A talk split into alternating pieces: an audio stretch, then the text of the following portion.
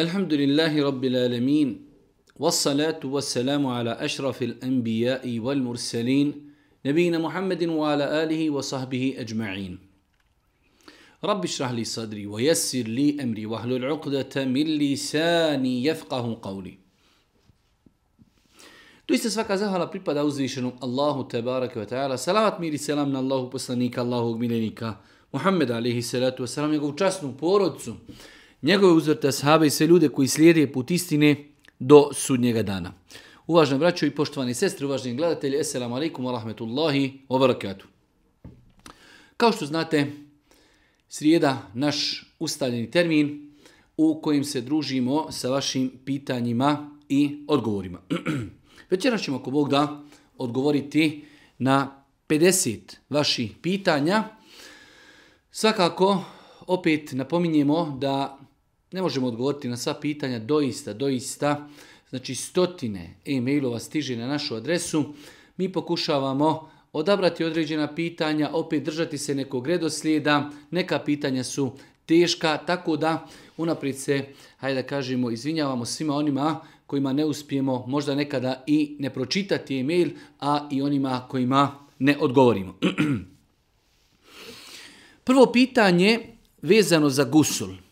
Da li čovjek koji uzme gusul potpuno ispravno i u toku gusula ne uradi ništa što kvari abdest, nakon tog gusula obuče mestve ili čarape. Da li on nakon toga može potirati po tim čarapama? E, mi smo više puta kazali da čovjek koji želi da ima abdest nakon gusula, treba da gusul uze, uzme potpuno tako što će znači ako je džunup, znači e, oprati spolni organ, nakon toga oprati ruke, nakon toga abdestiti potpuno, nakon toga saprati glavu, saprati desnu e, stranu tijela, nakon toga lijevu i ako u toku tog gusula ne uradi ništa što kvari abdest kao puštanje vjetra ili mokrenje ili nešto slično tome ili doticanje spolnog organa, taj čovjek nakon gusula koji je od džunupluka ima abdest. Samim tim, ako on obuče, ako obuče mestve ili čarape nakon gusula, on nakon toga kada bude želio da abdesti može potirati po tim mestvama ili čarapama. Jer rekli smo uvjet, glavni uvjet da bi se moglo potirati po mestvama ili čarapama prilikom abdesta jeste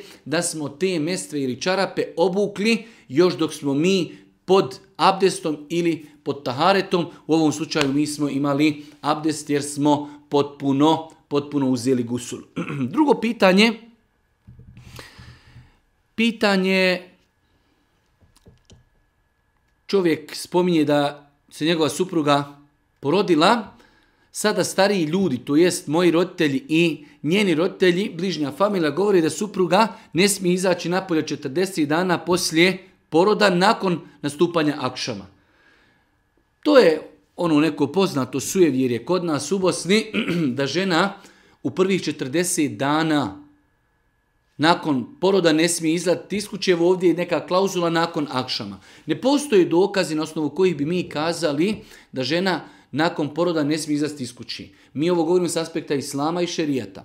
S aspekta medicinskog definitivno da nije preporučeno da žena mnogo ustaje, da se kreće, lijepo je da leži i tako dalje.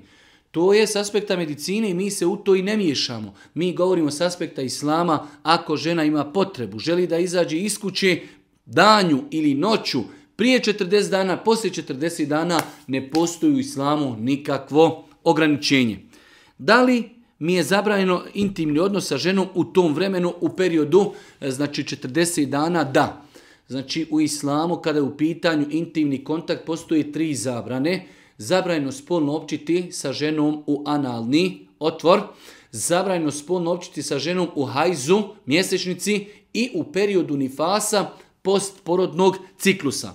To su te tri situacije kada je u pitanju intimni kontakt, šta je zabranjeno supružnicima, intimni kontakt znači u hajzu, mjesečnici, intimni kontakt u posporodnom ciklusu dok žena sve ima krvarinje i zabranjeno imati odnos u analni otvor. Sljedeće pitanje. Ja svaku noć poslije shvatim u lokal, na piće, dolazim kući oko 11. Tada klanjam noći namaz jer ne mogu ustati na zadnju trećini noći i tako dalje. Pitanje je da li se može klanjati noćni namaz prije polovine noći ili prije zadnje trećine noći. Noćni namaz, vrijeme noćnog namaza počinje od jacije namaza do nastupanja zori. To je znači vrijeme kada mi možemo klanjati noćni namaz, čak je došlo u nad hadisima Buhari i muslima, da je oposlanik znao klanjati noćni namaz i na početku noći i u sredini noći, ali i na kraju noći definitivno najljepše i najbolje je klanjati noćni namaz u zadnjoj trećini noći pred sabah.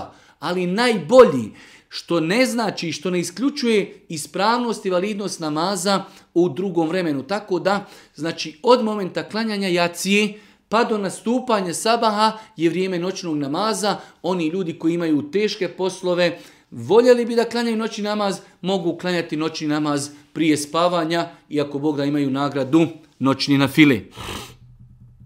Imamo jedno malo duže pitanje e, koje bi mogli rezimirati, e, a to je, evo malo ćemo i pročitati, Radi se o tome da čovjek ima dilemu, čitao je, slušao je, da po hanefijskom ezebu vitr nama se klanja poput akšama. Klanjaju se dva rekiata, uči se tehijat, ustaje se na treći. Određen dio islamskih učenjaka je smatrao se tako ne može klanjati, opet odno drugim hadisima Božih poslanika, ali se letu selam, pa kaže čovjek ja sam sada u dilemi do te mjeri da ostavljam klanjanje vitr namaza, ne znam više šta je u svemu tome ispravno.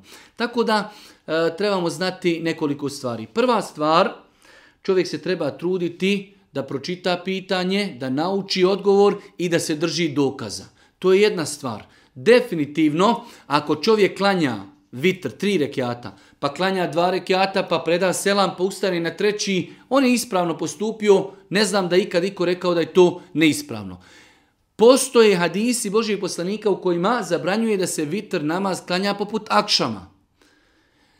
I hanefijski učenjaci imaju određene dokaze kao hadisa Iše Allahu ta'ala da je Boži poslanik klanjao tri rekiata vitara i da nije, nije pravio selam E, znači među ta tri rekiata, ali samim tim taj se hadis može i shvatiti da je klanjao sve tri rekiata e, znači e, zajedno i da nije pravio nikako sjedinje. U svakom slučaju neispravno je ostaviti vitr nama zato što ne znamo kako ćemo klanjati. Čovjek koji ne može odlučiti koje mišljenje je jače, će nekoga koji je učen da mu to pojasni i potom je će rati. Ako čak i bude slijedio mezeb koji je prisutan u našem podneblju, bude slušao ono što je naučio u Mejtefu od onako Bog da neće biti griješan jer je slušao nekoga učenijeg od sebe. Tako da neispravno je ostaviti klanjanje vitr namaza zato što ne znamo šta je ispravno.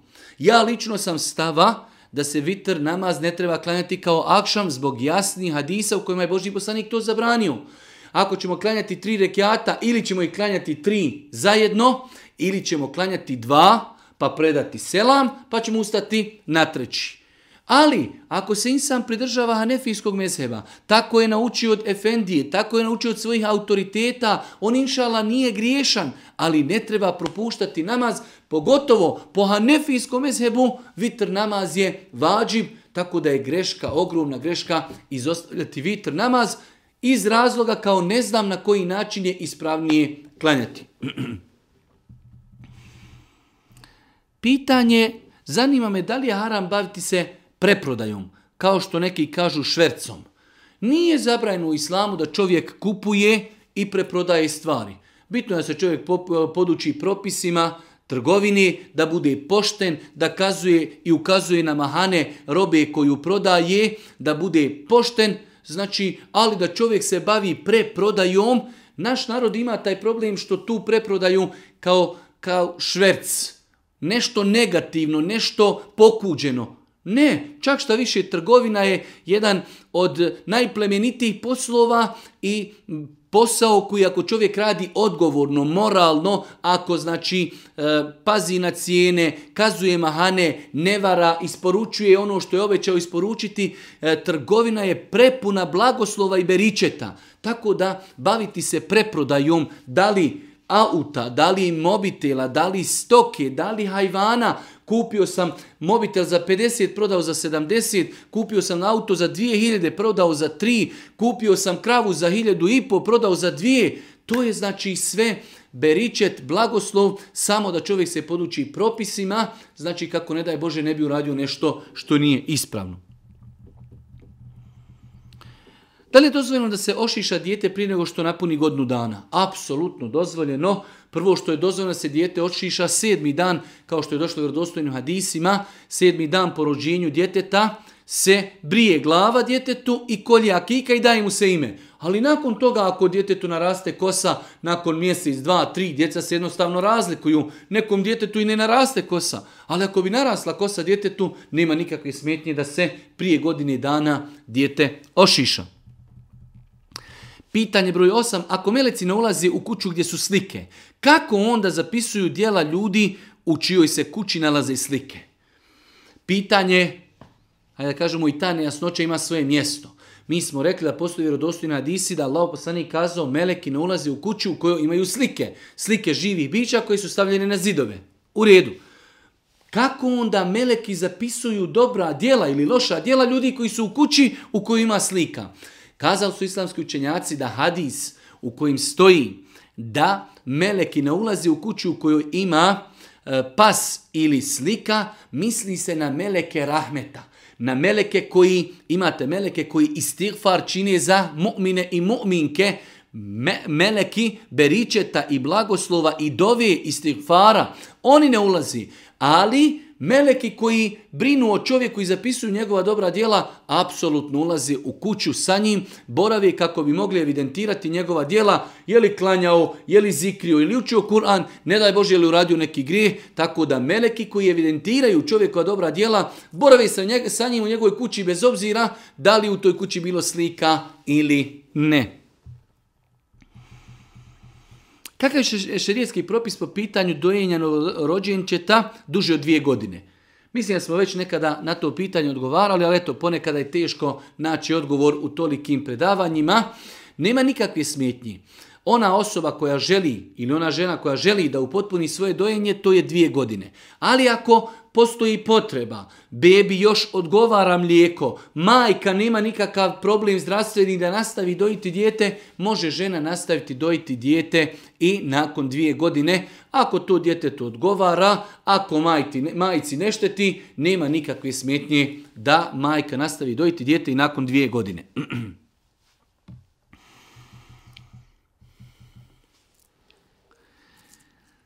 Selam alaikum. Prije neki dan sam slušao ders jednog efendije koji je rekao namaz briše grijehe. Na primjer, klanjao sam podne, počinio sam grijeh i kada klanjam ekindiju, taj grijeh mi je izbrisao, e, taj namaz mi je izbrisao te grijehe i tako dalje. Tačna je ta konstatacija, ali je treba ispravno razumjeti. Mi smo više puta govorili da se u islamu grijesi dijele u dvije kategorije. Imamo velike grijehe i imamo male grijehe. Mali grijesi mogu biti pobrisani činjenjem dobrih dijela kao što je namaz. Kao što je namaz, znači e, činjenje namaza, obavljanje namaza biva razlogom brisanja malih grijeha. Za velike grijehe potrebno je da bi bili oprošteni, treba čovjek da se pokaje pokajanjem, da ostavi grijeh, da se pokaje što je to činio, da mu je žao i da čvrsto odluči da se više neće vraćati tom grijehu. Tako da ova konstatacija namaz briše grijehe, da. Zato je došlo onim hadisima da Allah poslanik navodi primjer namaza je primjer rijeke koja teče ispred kuće nekog od vas u kojoj se čovjek pet puta dnevno kupa. Tako da obavljanje namaza sigurno biva razlogom brisanja grijeha, ali moramo znati kojih malih grijeha, za razliku od velikih grijeha za koje se moramo pokajati.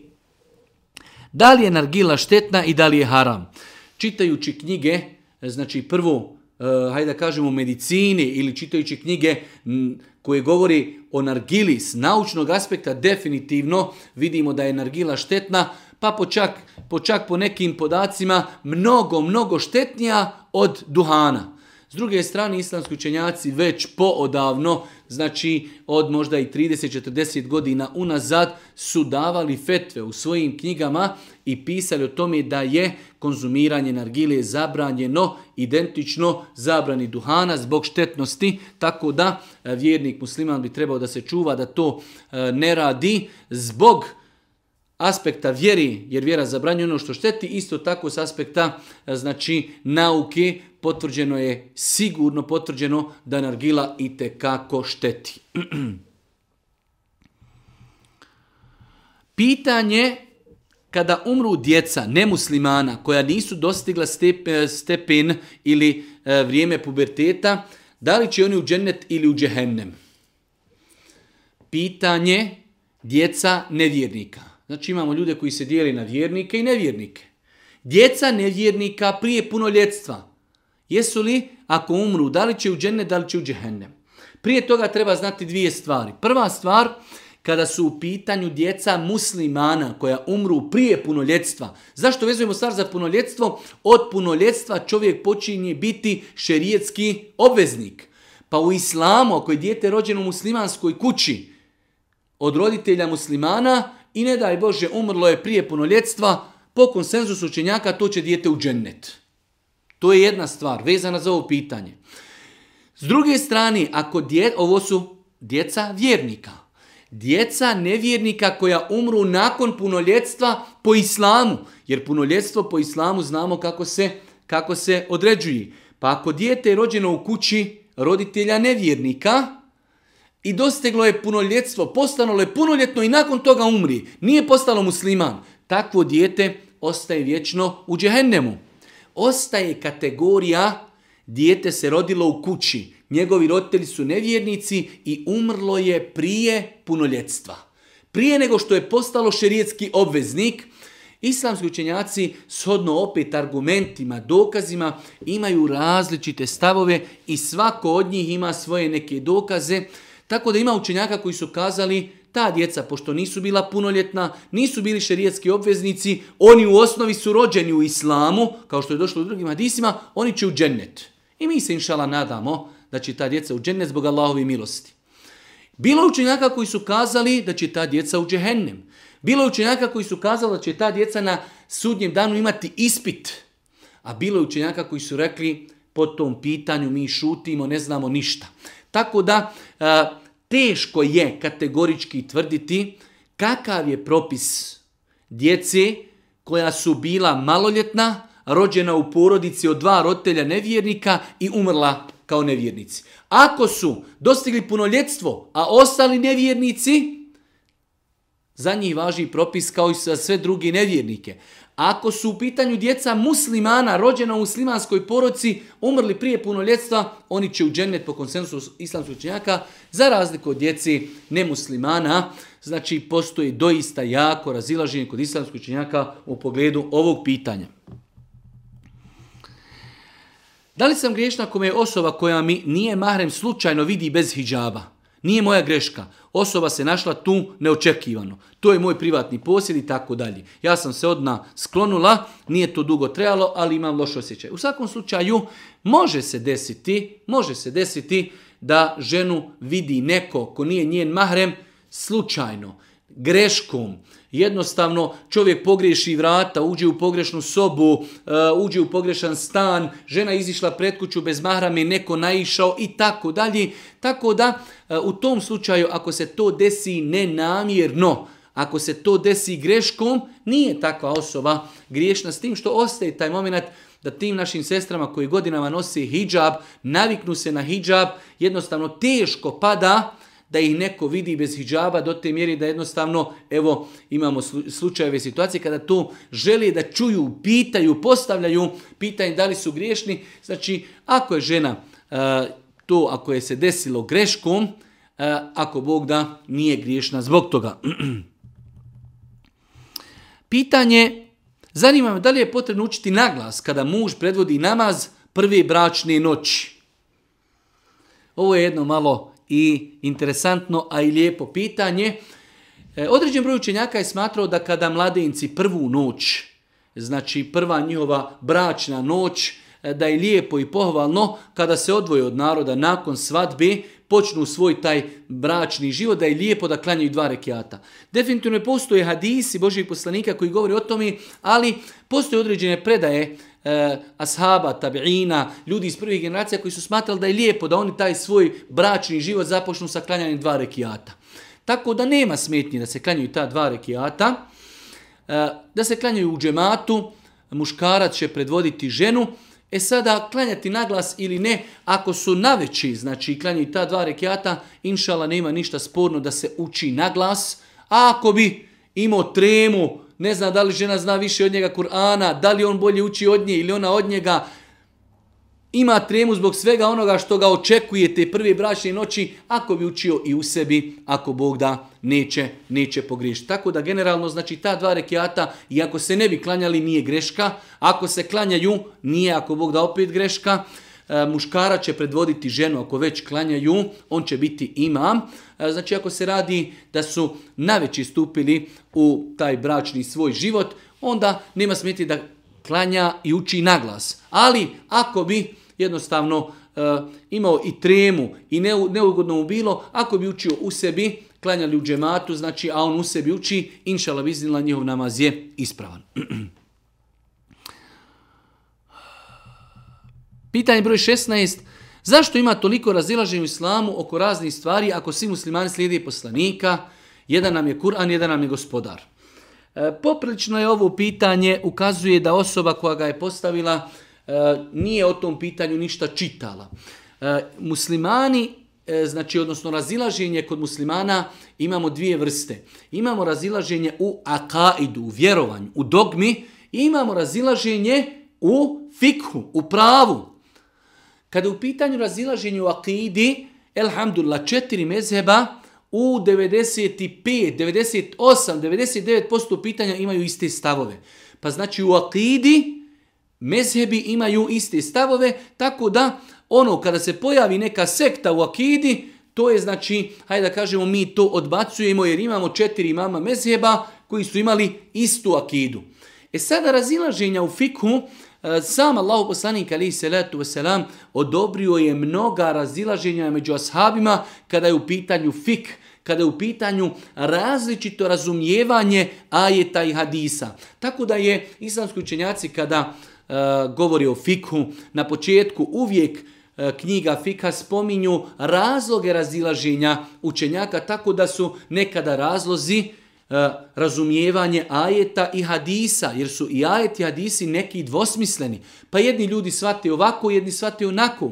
Nekada se, kada u pitanju hadis, razlikuju, neko kaže hadis je vjerodostojan, neko kaže nije. Nekada se razlikuju pa kažu ovaj e, propis kuranski je derogiran, neko kaže nije derogiran. Shodno tome mi različiti su propisi i tako dalje. Tako da postoji mnogo razloga zašto su postojala različita mišljenja, ali to je prostor fikha gdje je Allahov poslanik odobrio različite poglede. Zar nije rekao Boži poslanik kada se hakim, kadija pa i učenjak potrudi da dođe do istine?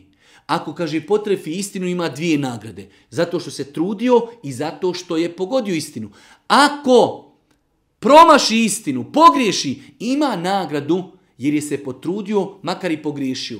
Pa je odobrio Božji poslanik da se mogu ljudi razići i da jedni pogriješe i jedni da budu u pravu, pa, a mogu, može se desiti nerijetko da svi u datom momentu imaju dio istine kod sebe. Tako da postoji mnogo razlik, razloga zašto su se islamski učenjaci razilazili. Ono razilaženje koje je u fikhu, koje nije suprotno konsenzusu, ako Bog da ono i nije pokuđeno pokuđeno razilaženje je razilaženje u akidi. Zašto se izgovara selam nakon što se završi selam i kome se naziva taj selam? Prva stvar, više puta smo kazali da čovjek treba da se uči da propise, uči da potvrdi da li je to propis. Jer Boži poslanik rekao početak namaza je tekbir, kraj je predavanje selama. Što znači? Predavanje selama je ibadet. Poslanik nas je podučio da se selam predaje na desnu stranu i na lijevu. Mi slijedimo poslanika i ne pitamo zašto. Ali u nekim pitanjima učenjaci su i odgovorili kome se naziva taj selam kad mi kažemo eselamu alaikum, eselamu alaikum. Kažu islamski učenjaci ako čovjek klanja u džematu, on taj selam naziva imamu i naziva osobi koja klanja s njegove desne i lijeve strani. Ako klanja sam, naziva selam melekima koji boravi pored njega i zapisuju njegova dobra djela. Pa znači, prvo treba da naučimo selam, predavanje selama i ibadet. I ne treba nas interesuje kome se selam naziva. Je li Boži poslanik tako klanjao? Jest. Jesu li ga sahabi pitali kome se predaje selam? Nisu. Ne trebamo ni mi pitati. Ali su učenjaci ponudili odgovor na to, pa su kazali da se selam naziva imamu, naziva se onome koji je s desne strane i koji je s lijeve strane. Ako klanjamo sami, onda nazivamo selam melekima. Slično pitanje, zašto učimo salavate u namazu na Allahu poslanika, alihi salatu selam, Učimo zato što je Boži poslanik naredio da ih učimo i zato što je Boži poslanik Podučio ashabe da ih uči salavate prije seda predavanja selama u namazu i zato što nisu ashabi pitali o Allahu poslaniće zašto mi prije predaj selama učimo na tebe salavate, učimo jer ih je učio Boži poslanik, jer je podučavao Asave i naređivao je da oni tako radi.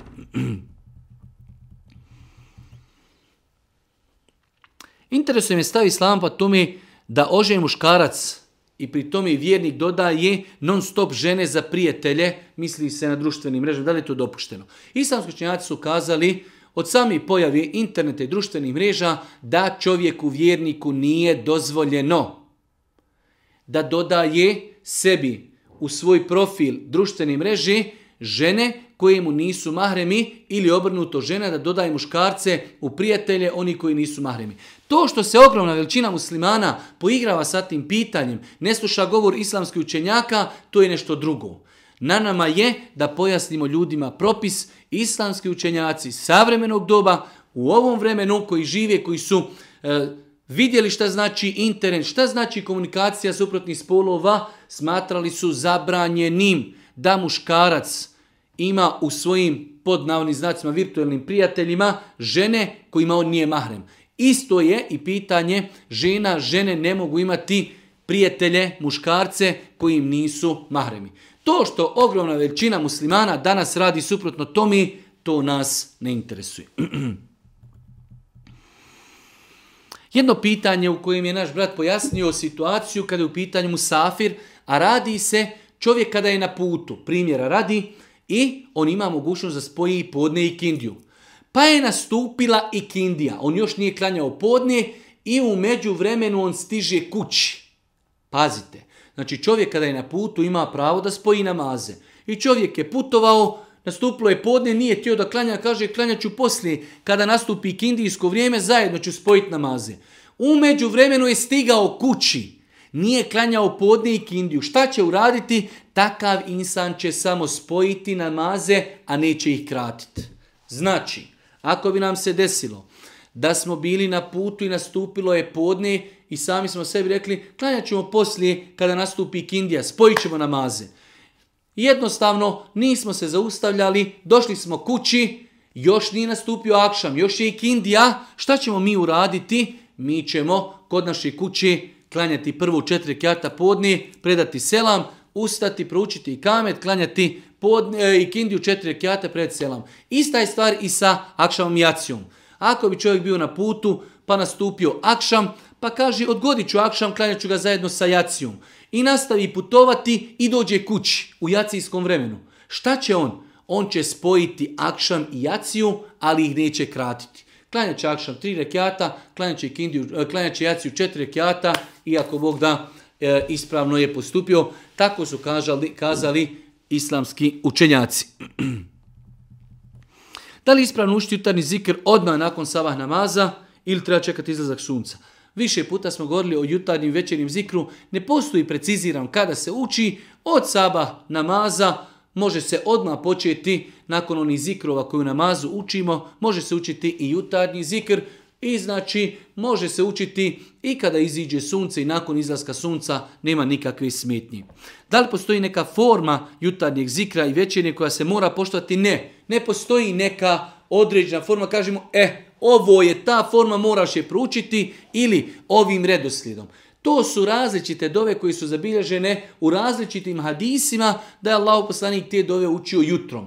Nema nigdje da je došlo, e ovi deset dova je Božji poslanik učio, sjeo je i proučio je odjednom deset dova. Ne, to su različiti hadisi, različite dove, tako da ne postoje hadisi koji ukazuju na redoslijed.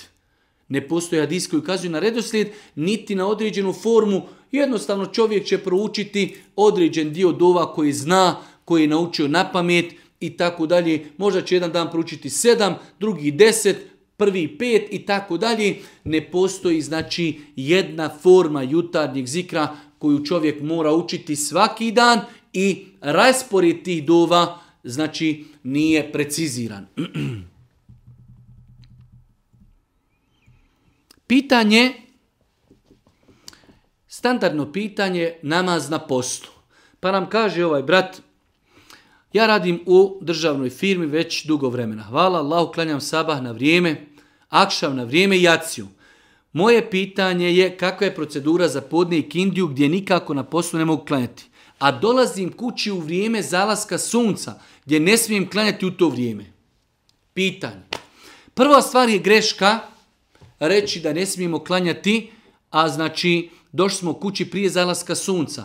Više puta smo ponavljali da se ne smije u to vrijeme prije zalaska sunca klanjati na fila. Ali farzi se smiju i moraju klanjati.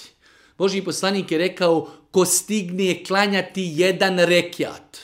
Prvi rekiat. Allahu ekber, subhaneke, euza, bismillah, fatiha, kul huvalla, ruku. Dok smo ošli na ruku mi smo stigli rekiat. To su dvije minute. Ko stigne klanjati jedan rekiat i kindije, prije zalaska sunca, stigao je klanjati kompletnu ikindiju. Pa znači klanjat će prvi rekiat i nastavit će klanjati ostale rekiate. Tako da kada je u ovaj brat, ako dođe kući makar 10-15 minuta prije zalaska sunca, njemu je obaveza klanjati ikindiju. Ostaje ta podne namaz, naš stav je da čovjek mora da se potrudi da namaz klanja u namasko vrijeme od jedan, ako na, u podni nastupa u jedan ili u 12, do 3 ili do 4 sodno namaskom vremenu, mora čovjek naći vremena 5 minuta da se negdje skloni čošak, da klanja četiri kjata farza i kindiju ako Bog da klanjati kući kada dođe prije zalaska sunca, ali se namaz mora klanjati u namaskom vremenu.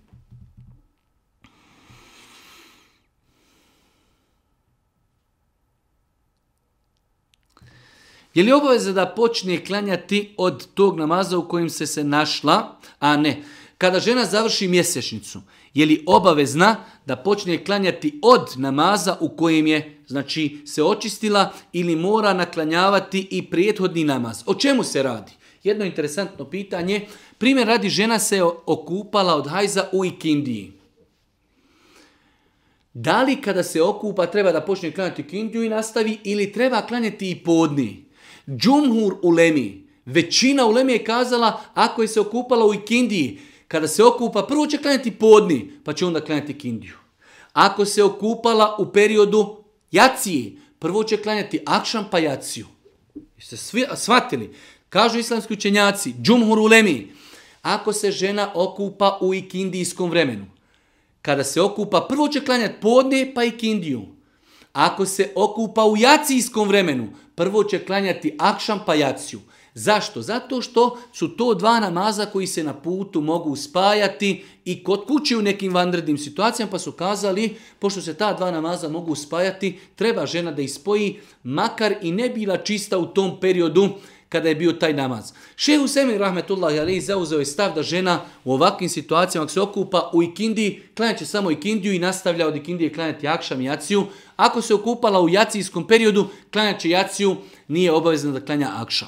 Ja lično sam tog stava, ali ako bi žena klanjala iz predostrožnosti, zbog toga što je to bio stav džumhura učenjaka, ne bi ako Bog da pogriša. Znači ponavljamo, sestre koje se okupaju u periodu ikindije, nakon što se okupaju, lijepo je da klanjaju podne i nakon toga ikindiju. Lijepo. Ja ne kažem obaveza. Ako se okupa žena u periodu jacije, kažemo lijepo je da prije jacije klanja akšam, nakon toga da klanja jaciju. Kao vid obaveze ne smatram da je to obaveza. Svjedoci smo da se na skoro svakoj objavi na društvenim mrežama i YouTube kanalima u komentaru nalazi uvredljivi sadržaj na račun uzvišnog Allah i poslanika. Tako i na račun vjernika. Na vrhuncu bez obrazuka nalazimo skoro na emisiju na YouTube u koja se naziva Da li je postojao Muhammed? Na istu temu je dotični neki izdao i knjigu. S obzirom da takve stvari potresaju svakog muslimana, unosi nemir, kako se ponaša u takvim situacijama. Ja prvi put čujem za takvu knjigu kao neko je izdao knjigu koja se zove Da li je postojao Mohamed? I u toj valjda knjizi on nešto vrijeđa vjeru, islam, Kur'an, poslanika i tako dalje. Šta vjernik treba da radi? Društvene mreže su otvorene. Sloboda pod navodnim znacima govora Ljudi pišu šta hoće govori šta hoće. Šta mi trebamo? Trebamo to ignorisati. Ne trebamo ići na takve kanale.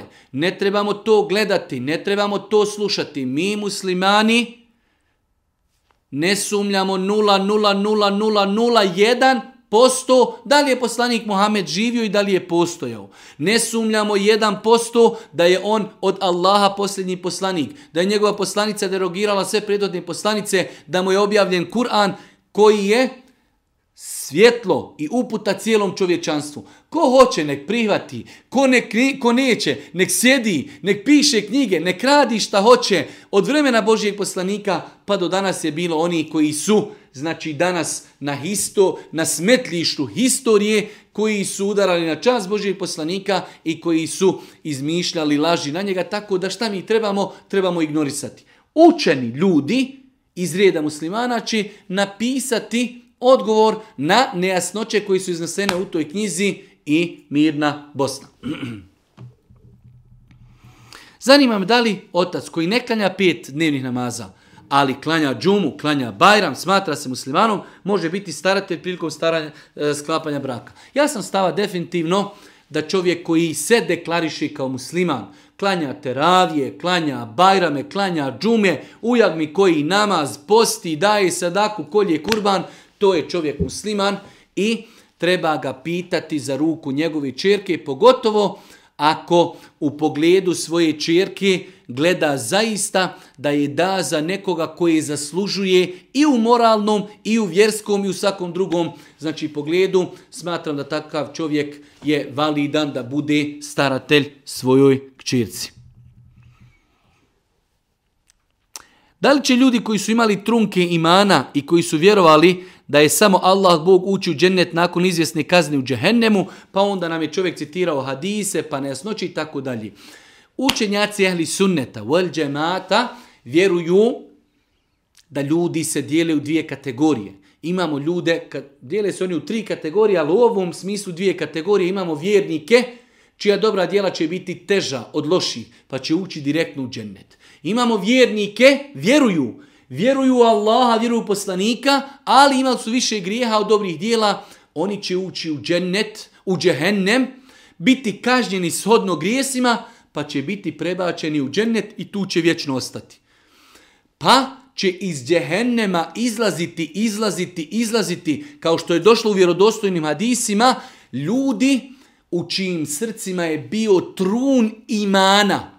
Ali pazite, iman, on vjeruje, ima Allah. Allah je gospodar zemlje i nebesa. Samo se njemu bade čini. Muhammed je Boži rob, Muhammed je poslanik, Kur'an je Allahov govor, on vjeruje ali je njegov iman slab, tanak. Pa ona insan koji ima dne trunku imana, on će bilo kad završiti u džennetu. Za razliku od ljudi koji kažu ne, ne vjerujemo, nema Allah, on nije Bog, ne čine se njemu ibadeti, Mohamed nije poslanik, Kur'an nije istina, takvi ljudi kada umru na tome, ostaće vječno u džehennemu. Za razliku od od određenih sekti u islamu koji su smatrali istu da insan ako umri sa velikim grijesima, da će ostati vječno u džehennemu, ali hadisi Božih poslanika su najbolji odgovor, da je Allah poslanik jasno kazao da će znači ljudi posredstvom zauzimanja šefata, zbog trunke imana koju su imali u svome srcu, kad tad izići i završiti u džennetu, misli se na vjernike, monoteiste, muslimane.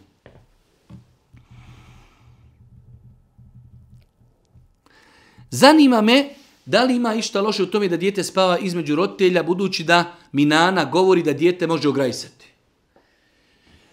Kažu islamski učenjaci da dijete sve dok ono ne razumije Znači to su te neke godine, dvije, tri godine, ne znam tačno, dok ne razumije šta je stidni dio tijela, znači ne razumije jednostavno šta se sve oko njega dešava, nema nikakve smetnje da spava sa svojim roditeljima, među svojim roditeljima to ograjsat, ne ograjsat, to nema nikakve veze sa islamom. Propis se vezuje da li dijete razumije. Već dijete kada ima 4-5 godina, ono razumije ako se njegova majka raspremila ako se otac rasprimio i tako dalje. Već u tom momentu kada djeca razumiju šta je avret, šta nije avret, tada djecu treba odvajati od postelje roditelja, odvojiti čak u, drugu sobu. Ali sve dok je dijete malehno godinu dana, dojenče, dvije godine, pa i tri godine da dijete spava sa svojim roditeljima, ako Bog da nema u tome ništa sporno. Da li je grijeh ako prespavamo namaz, a ne naklanjamo ga? Apsolutno. Apsolutno grijeh. Allah poslanik ali se wasalam kaže insan kada prespava namaz, kada se sjeti, kada se probudi, tada će klanjati. I nema, kaže, drugog nikakvog iskupa. Pa su učenjaci kazali, insan koji je prespavao namaz ili ga zaboravio, kada se probudi, njemu je namazko vrijeme nastupilo. Ali ako insan nakon toga nikako ne klanja taj namaz, apsolutno je griješan. Nije griješan što ga je prespavao, nije griješan što je zaboravio. Kada se sjetio, kada se probudio, treba klanjati. Ako to tada ne učini, apsolutno je, apsolutno je griješan. Zanimam da li je po islamu dozvoljeno oženiti djevojku koja nema muslimansko ime. Da li je dozvoljeno oženiti ženu, a nema ona muslimansko ime? Apsolutno dozvoljeno. Ime ne utječe na to da li je čovjek musliman ili ne. Svakako da, ime treba da bude lijepo, treba da bude islamsko, ali isto tako to ne utječe na validnost čovjekovog vjerovanja. Pa možemo imati ženu koja, uzmite kako god da joj je ime, muslimanka, vjeruje Allaha, pokorna, pokrivena, čedna, moralna, moralna je, apsolutno da, bez obzira kako je ime, ako je lijepo ime, ostavit ćemo ime, ako je apsolutno loše ime, lošeg značenja, promijeniti joj ime i ako Bog da, mirna Bosna. Kolegica s kojom radim na istom radnom mjestu je lezbijka. Da li je dozvoljeno rukovati se s njom? Ovdje ne znamo koje pitanje postoji muškarac ili žena. E, kada je u pitanju muškarac, muškarcima se nije generalno dozvoljeno rukovati sa ženama. Bile one lezbijke ili ne bile, nije muškarcu dozvoljeno da se rukuje sa ženama.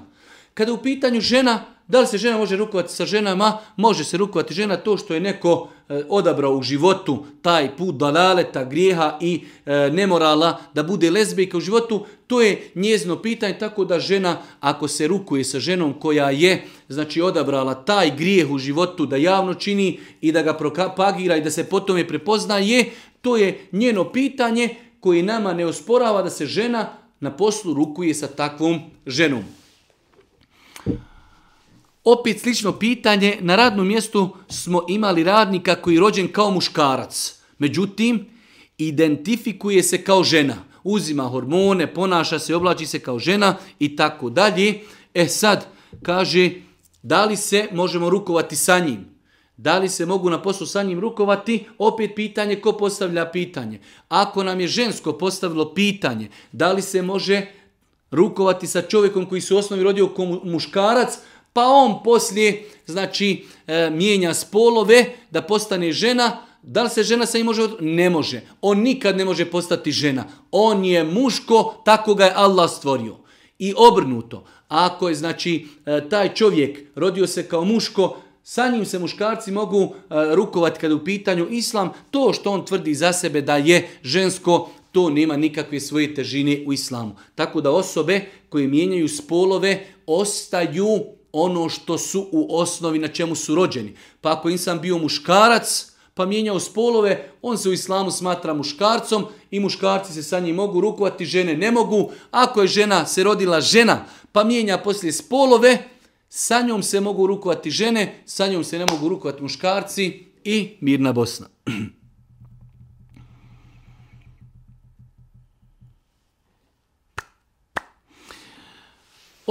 Opet ja sa još jednim pitanjem, to je neko ko nam je slao prethodne e-mailove.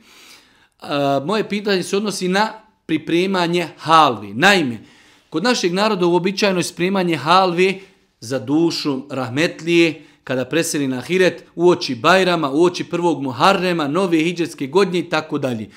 Koliko doista ima uteljenja u islamu bitno spremanje halve u takvim prilikama? Kada u pitanju islam, u pogledu islama to nema nikakvu svoju težinu, niti ima dokaz da to treba raditi. E sad, Neko hoće da napravi halvu pa da podijeli ljudima, kaže čovjek je umro, podijelili smo neku halvu, eto u njegovo ime kao vid sadake, pa da znači ta nagrada ide njemu, to ako Bog da i ne smeta. Ili povodom Bajrama se napravi halva kao naš, naša tradicija, kao običaj, ali da je to Badet, da to ima hadis, da je to naređeno, da to ima svoju težinu u islamu, nema. To nema, to se može doživjeti više kao tradicija, običaj našeg naroda je to jednostavno da malo zamiriše halva, da se napravi, da se podijeli, iako Bog da u tome nema ništa sporno, sve dok se to ne smatra ibadetom. Dok se to smatra nako lijepim nekim postupkom u našem narodu. Hmm. Jedan brat nam je pisao jedno malo duže pitanje, gdje je spomenuo da redovno ide u džemat, nakon toga se malo razbolio, nije mogao ići u džemat, pa ga je toliko pogodilo kada je čuo ezan, a nije mogao ići u džemat, da je u namazu plakao. Pa pita da li je namaz ispravan ako čovjek u namazu plaći, inšala ako insan znači, plaći iz takvih nekih razloga i to ga nadvlada. Jednostavno, to je nešto starije od njega, njegov namaz je, ako Bog da, ispravan. Zanima me da li žena može nadoknati one dane što nije postila tako što će hraniti 60 siromaha ili zato nije to ispravno pravilo. Nije ispravno, znači žena koja nije postila u mjesecu Ramazanu, nakon mjeseca Ramazan, ako nije postila zbog mjesečnice, zbog hajza, kada završi Ramazan, ona će isti broj dana napostiti dan za dan. Ništa više. Čak i po učenjacima koji kažu, ako osoba toku Ramazana nakon izljenosti nije postila, poslije hoće da to naposti, napostit će dan za dan. Ne postoji u islamu kazna da neko napašta jedan dan, odnosno posti 60 dana zbog jednog dana. To ne postoji. Osim, rekli smo u slučaju, ako čovjek u toku Ramazana pokvari post intimnim spolnim odnosom. Ali mimo toga ako čovjek nije postio jedan dan, napostit će jedan dan i to je to je to.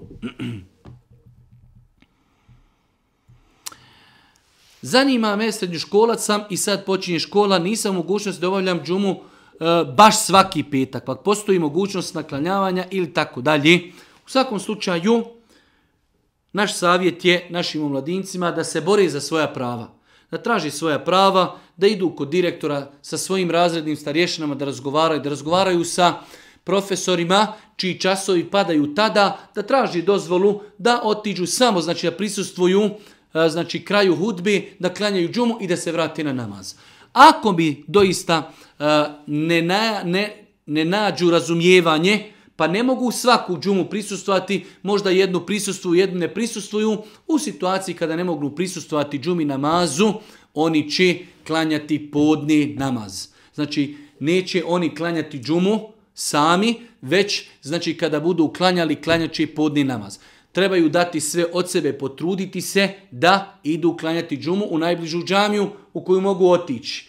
Ako ne mogu otići, ako im ne bude dozvoljeno i tako dalje, ako znači mogu klanjati dvije džume pa jednu propuštaju, kada budu propuštali tu džumu, onda će klanjati podni namaz.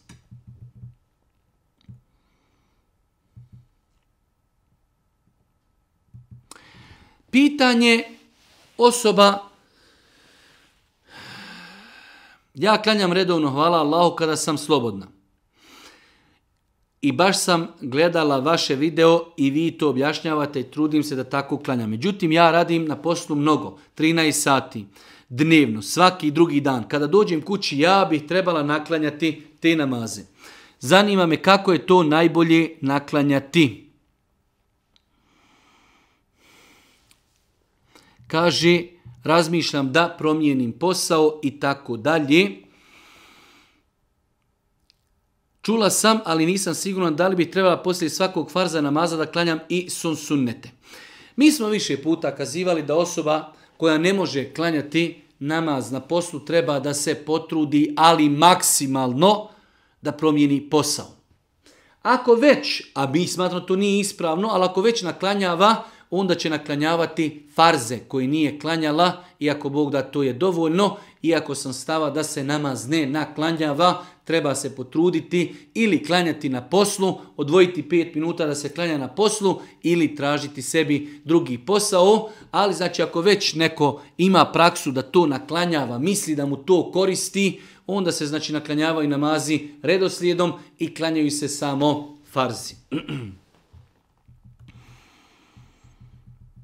Ako se zaboravi prilikom učenja ezana sabahskog izgovoriti es salatu hajru neum, da li je ezan validan? Da.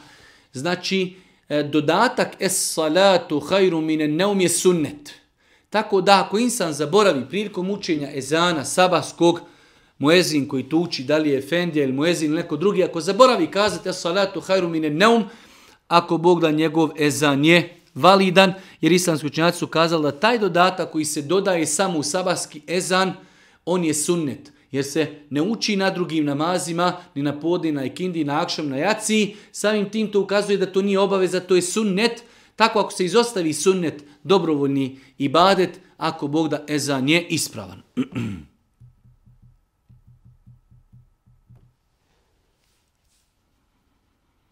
Pitanja školarci koji ne stignu klanjati podne ili kindiju, e, kako to naklanjati. Rekli smo se, e, djeca trebaju u školi potruditi, kaži nemam prostoriju gdje bi mogao klanjati. Nije uvijek da bude posebna prostorija gdje bi sam mogao klanjati.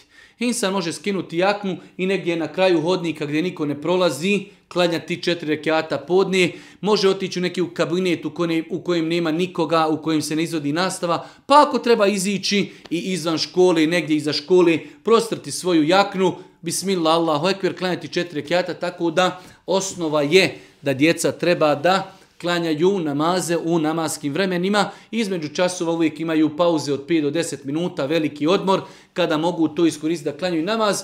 Svakako, e, u saglasnost pitati i tražiti dozvolu od direktora, od profesora, tražiti neki kabinet u kojim se ne klanja, u nekom hodniku gdje niko ne prolazi i tako dalje. Bitna je samo volja, tijenje, želja, a ako Bog da, insan će onda, što bi rekao, naći rješenje. Pitanje malo čudno, ali eto, kako postupiti prema djetetu koji ima neke noćne more i različite snove? Budi se uplakano svaku noć u isto vrijeme. Nije svjesna ili ne sjećaš šta se dešava. Da li je treba razbuditi ili je samo vratiti u krevet? Pitanje, znači, dijete ima bunca, ima znači jednostavno teške snove, pa da li ga moramo mi razbuti ili ga ne moramo razbuti, to nije pitanje koje mi možemo odgovoriti kao s aspekta šerijata. Sodno, šta je funkcionalnije? Nekada jednostavno i bolje dijete ne razbuditi, lagano ga uzeti, zagrliti, proučiti nešto od Kur'ana, ako će se to, znači ako je to djelotvorno, ako će se tako dijete smiriti i ne treba ga razbuđivati. Nekada da bi neko prevazišao neki problem, mora se razbuditi, da mu se donese malo vode, da se sa njim porazgovara i da ponovo legne spavati. Tako da stvar ne treba vezivati za islam u smislu smijemo li ovo, smijemo li ovo, uradit ćemo ono što najbolje odgovara u datoj situaciji. Imamo ovdje jednako jednu pohvalu.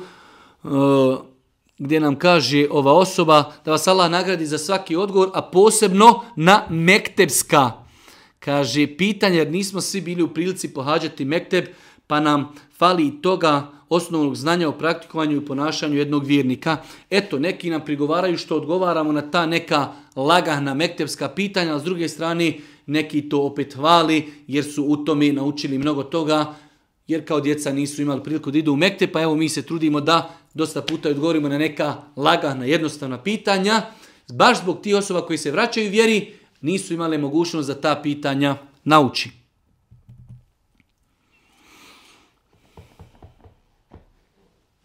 Pitanje osoba koja klanja vitr. Evo, klanjao je čovjek jaciju, klanjao je vitr, legao spavati. Nakon toga se probudi prije sabaha, može li da klanja još na fili? Može. Da, Allah poslanik je rekao neka vam zadnji namaz budu vitre. mi smo tako i uradili, klanjali smo vitre, ali smo ustali neplanski. Osoba koja hoće ustati na noći namaz, planira ustati, onda će klanjati jaciju, sunnete i leći spavati. Neće klanjati vitre, pa će klanjati noći namaz koliko hoće, 2, 4, 6, 8, pa će završiti s vitrama. Što znači, vjernik treba da mu zadnji namaz budu vitr.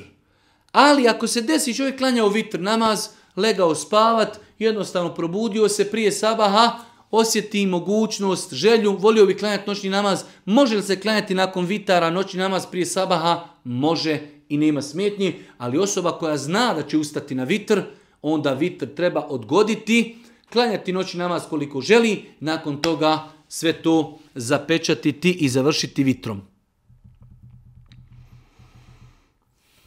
Kaže, kalendar je slučajno i greškom bio okrenut na august, iako se nalazimo u septembru. Pa sam saba klanjala u 3.25, umjesto u 4.20. Pa se, kaže, na podne sam to shvatila šta uraditi. Ponoviti namaz. Znači, ne, sestra naša imala kalendar, bio je okrenut mjesec august, neko je okrenuo greškom, pogledala je kada je saba, shodno tome je ustala na saba i klanjala ali sabah još nije bio nastupio, znači greškom je klanjala prije vremena. Nije griješna jer se to desilo greškom, ali namaz nije validan jer je klanjan prije namazkog vremena. Šta uraditi? Naklanjati taj sabah ponovo i ako Bog da sve je u redu. Jedno malo duže pitanje, jedan naš brat kaže prihvatio je islam, vratio se vjeri, slušajući naša predavanja. U periodu džahilijeta ašikovao sam sa jednom djevojkom, prema kojoj gajim i danas lijepe osjećaje, nemamo nikakav kontakt, da li je dozvoljeno dobiti Allahu da je oženim. Nema inšal ništa sporno u tome, ako insan zna da je tu čestita moralna djevojka, da moli Allaha da mu olakša ako je hajr za njega i nju, dunjalučki, ahiretski, da mu olakša da se oženi sa takvom osobom, inšala nema u tome nikakve smetnji. Osoba koja se prehladi pa mu iz nosa teče, znači e, voda, slina i tako dalje, e, u namazu ima li pravo da čovjek iz džepa izvadi maramicu i da očisti nos, nema smetnje. Islam sučnjaci su kazali u namazu pokreti ako za njima imamo potrebu. I ako nije mnoštvo pokreta, možemo tu urati namaz. Tako da čovjek koji je jednostavno prehlađen i ima osjećaj da mu znači, e, voda ili sline teku iz nosa, kako to ne bi otišlo po njegovom licu, kako ne bi onečislo njegovu odjeću, nema smetnje da znači, kratko iz džepa izvadi maramicu, da se isekne, očisti nos, vrati maramicu i nastavi klanjati. Allahu poslanika Ne selam je nosio svoju, e, svoju unuku u mamu, hadis bilježi i Buharije Muslim, u naručju i tako je klanio ljudima. Pa kada bi išao na ruku i na seždu, spustio bi tu svoju unuku na zemlju, pa kada bi se vraćao sa sežde i ponovo bi opet uzimao i držao bi je u naručju. Pogledajte koji su to pokriti. Drži dijete, spušta, uzima, spušta, uzima. Mnogo je prioritetnije da mi smijemo u namazu ako Bog da izvaditi maramicu, očistiti nos i vratiti maramicu ponovo u džep. Da li je dozvoljeno ženiti se ženom, odnosno curom koja nije više nevina, ali nije bila udavana, znači počinila je nemoral prije braka. U svakom slučaju, ako čovjek zna da se djevojka pokajala od nemorala kojeg je počinila, inšala, ako je on zadovoljan time, ona koja je oženi ne može joj sutra prigovoriti i kazati vidi ti si bila nemoralna i tako dalje. Znači ako već zna da je to uradila i ako vidi da je se pokajalo i ako vjeruje u njenu iskrenost, ako ima, može je oženiti. Nije mu zabranjeno, ali joj više nema pravo na tome prigovarati. Osnova je da vjernik ženi vjernice, nemoralni se žene međusobno, pokvareni i razvratni se žene međusobno. Ali imamo od slučajeva kada žena počini nemoral, i nakon toga se pokaje. Šta ćemo? Ćemo reći ne, ne, ne, ne, treba da se udaš za nekog pokvarenjaka? Apsolutno. Treba da se uda za moralnog insana vjernika, ali insan koji to već zna i prihvati je sa tim, znači on može da je odbije, ali ako je prihvati, onda ne treba kroz život da joj to, što bi rekao, spominje. Ako vjeruje da se istinski pokajala, ima pravo da je oženi. Imam 14 godina, volim umjetnost. Imam talenta za crca, crtanje, crtam portrete ljudi, svojih ukućana, prijatelja. Da li je to grijeh? Da, apsolutno. Po islamu je strogo zabranjeno crtati likove živih bića, likove ljudi. Tako da taj talent treba iskoristiti u nečemu drugom u smislu crtanje mostova, planina, rijeka, voća, povrća i tako dalje, ali je zabranjeno slikati i crtati stroge, ali baš stroge zabrane u hadisma Božih Kusanika su došle za one koji svojim rukama crtaju živa bića. Da li muž i sve svekro imaju pravo od mene zahtijevati i očekivati da kuham mome djeveru koji živi s nama u kući? dugo sam u braku i sve ove godine moja svekrva svakodnevno svoju djecu okuplja kod mene na ručak i ne pita uopće da li mi je to naporno, a moj muž ne poduzima ništa po tom pitanju. Tako dalje. Ženi to nije obaveza, ostaje pitanje kako to riješiti, najbolje to može riješiti njen muž. Jer Žena je tu tuinka u toj kući i ona ako to odbije nastaće sigurno veliki problemi, ali to može ona dogovoriti sa svojim mužem pa da on to prelomi i da on to pojasni. Da li će on to uraditi ili neće, u većini slučajeva 95% ljudi e, to ne urade jer jednostavno to je nešto što traje, teško je to promijeniti. Ostaje da ova sestra ako hoće da sabura, da se strpi, da razgovara sa svojim mužem, da mu ukaže da je to greška, da to nije njena obaveza i da ima on obavezu i pravo moralnu da skrene pažnju svojoj majci i svome bratu na pogrešnu praksu.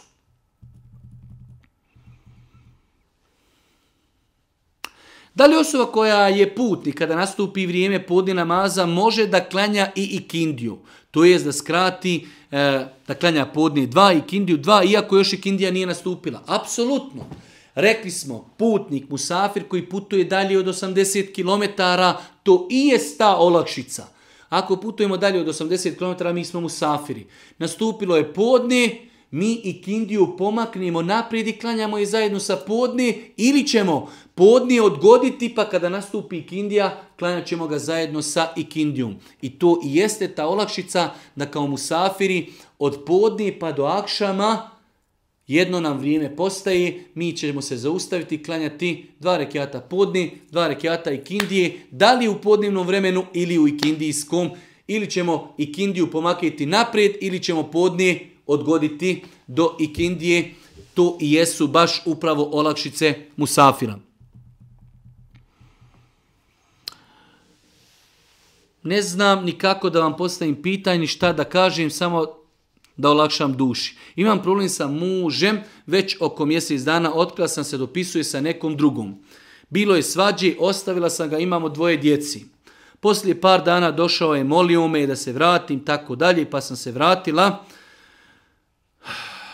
ali on nastavlja i još je gori nego što je bio prije. Počeo da ide po kafanama, dolazi kasno na veći, kako postupiti. To su samo repovi našeg neispravnog korištenja interneta i društvenih mreža i onda kada mi kažemo nije dozvoljeno, dozvoljeno da muškarac ima prijateljice, na društvenim mrežama ili žene da imaju prijatelje, onda neko kaže vi pretjerujete, ali onda kada vidimo ovakve slučajeve, onda znamo zašto je to ulema zabranila. Čovjek ašikuje sa djevojkama, drugim, njegova žena trpi i tako dalje. Pa ona ode, on je moli da će se vratiti, ona se vrati, on nastavi i tako dalje. U svakom slučaju ono što e, u ovom slučaju možemo kazati u našoj sestri jeste strpljenje, razgovor, dijalog, ako vidi da te stvari doista on ne planira popravljati, ona ima šerijatsko pravo da traži razvod braka. Kada hoću klanjati noćni namaz zadnjem dijelu noći, trebamo li izostaviti vitr? Svakako. Rekli smo osoba koja ustaje na noćni namaz, neće vitre klanjati odmah poslije jaci. Klanjat će farze, klanjat će sunnete poslije farza i će spavati. Kada ustane, klanjaće noćnog namaza koliko želi i na kraju će klanjati vitr namaz. Jer je Boži poslanik preporučio da zadnji namaz koji klanjamo noći bude vitr. Naše 50. pitanje. Možete li objasniti ima li neki specifičan razlog zašto je muzika haram ili je samo bitno da se ne pije uz muziku? Mi smo u više svojih pitanja odgovarali, spominjali, rekli smo u osnovi vjernik treba tragati za dokazom. Ako shvatimo da je nešto zabranjeno na osnovu dokaza, ne treba nas interesovati zašto. Pa znači, apsolutno, vjerodostojni argumenti potvrđuju da je muzika zabranjena. Tako da nakon toga više vjernik ne treba da pita zašto. Islamski učenjaci su pokušavali, govorili su o tome, o štetnosti muzike po čovjeka, e, koliko negativno utječe muzika na insana, o tome možemo naći studije koji govori o tome, ali mi muslimani prvo tražimo dokaz, ako se potvrdi propis, mi se znači pokoravamo, pa je konstatacija je li muzika zabranjena samo ako se uz nju pije alkohol ili ne? Muzika je zabranjena i s alkoholom i bez alkohola. Ako se uz muziku pije alkohol, kao što se mnogo puta radi, tada su to dva grijeha i slušanje muzike i pijenje alkohola. Posljednje pitanje, e, sestra pita oko nje kada klanja hoda dijete koji na sebi ima pampers, znači ima pempas koji nekada može u sebi imati nečistoću ili ne, ali znači dijete hoda oko te svoje majke prilikom namaza, da li to ima veze sa, njenom, sa njenim namazom, nema nikakve veze, znači bitno je da je naše tijelo čisto, da je naša odjeća čista, mjesto gdje mi klanjamo da je čisto, to što ko nas naiđe dijete, pa nas možda i dotakne svojim tijelom, nema nikakve smetnje, jer iako ima ta nečistoća, ona je zaštićena i znači nije, hajde da kažemo, dostupna nama i našim tijelu, nije znači, ne daj Bože, prosuta, tako da sve dok je to unutar uh, pasa, ako Bog da, to nema veze sa našim namazom. Molim Allah te barka ta'ala da nas učiti na putu istini, molim nas subhanahu ta'ala da nas podući i korisnom zanju i na kraju subhaneke Allahumma da bihamdike, ešhedu in la ilaha ilan stakfiruke, ve tubu ilik.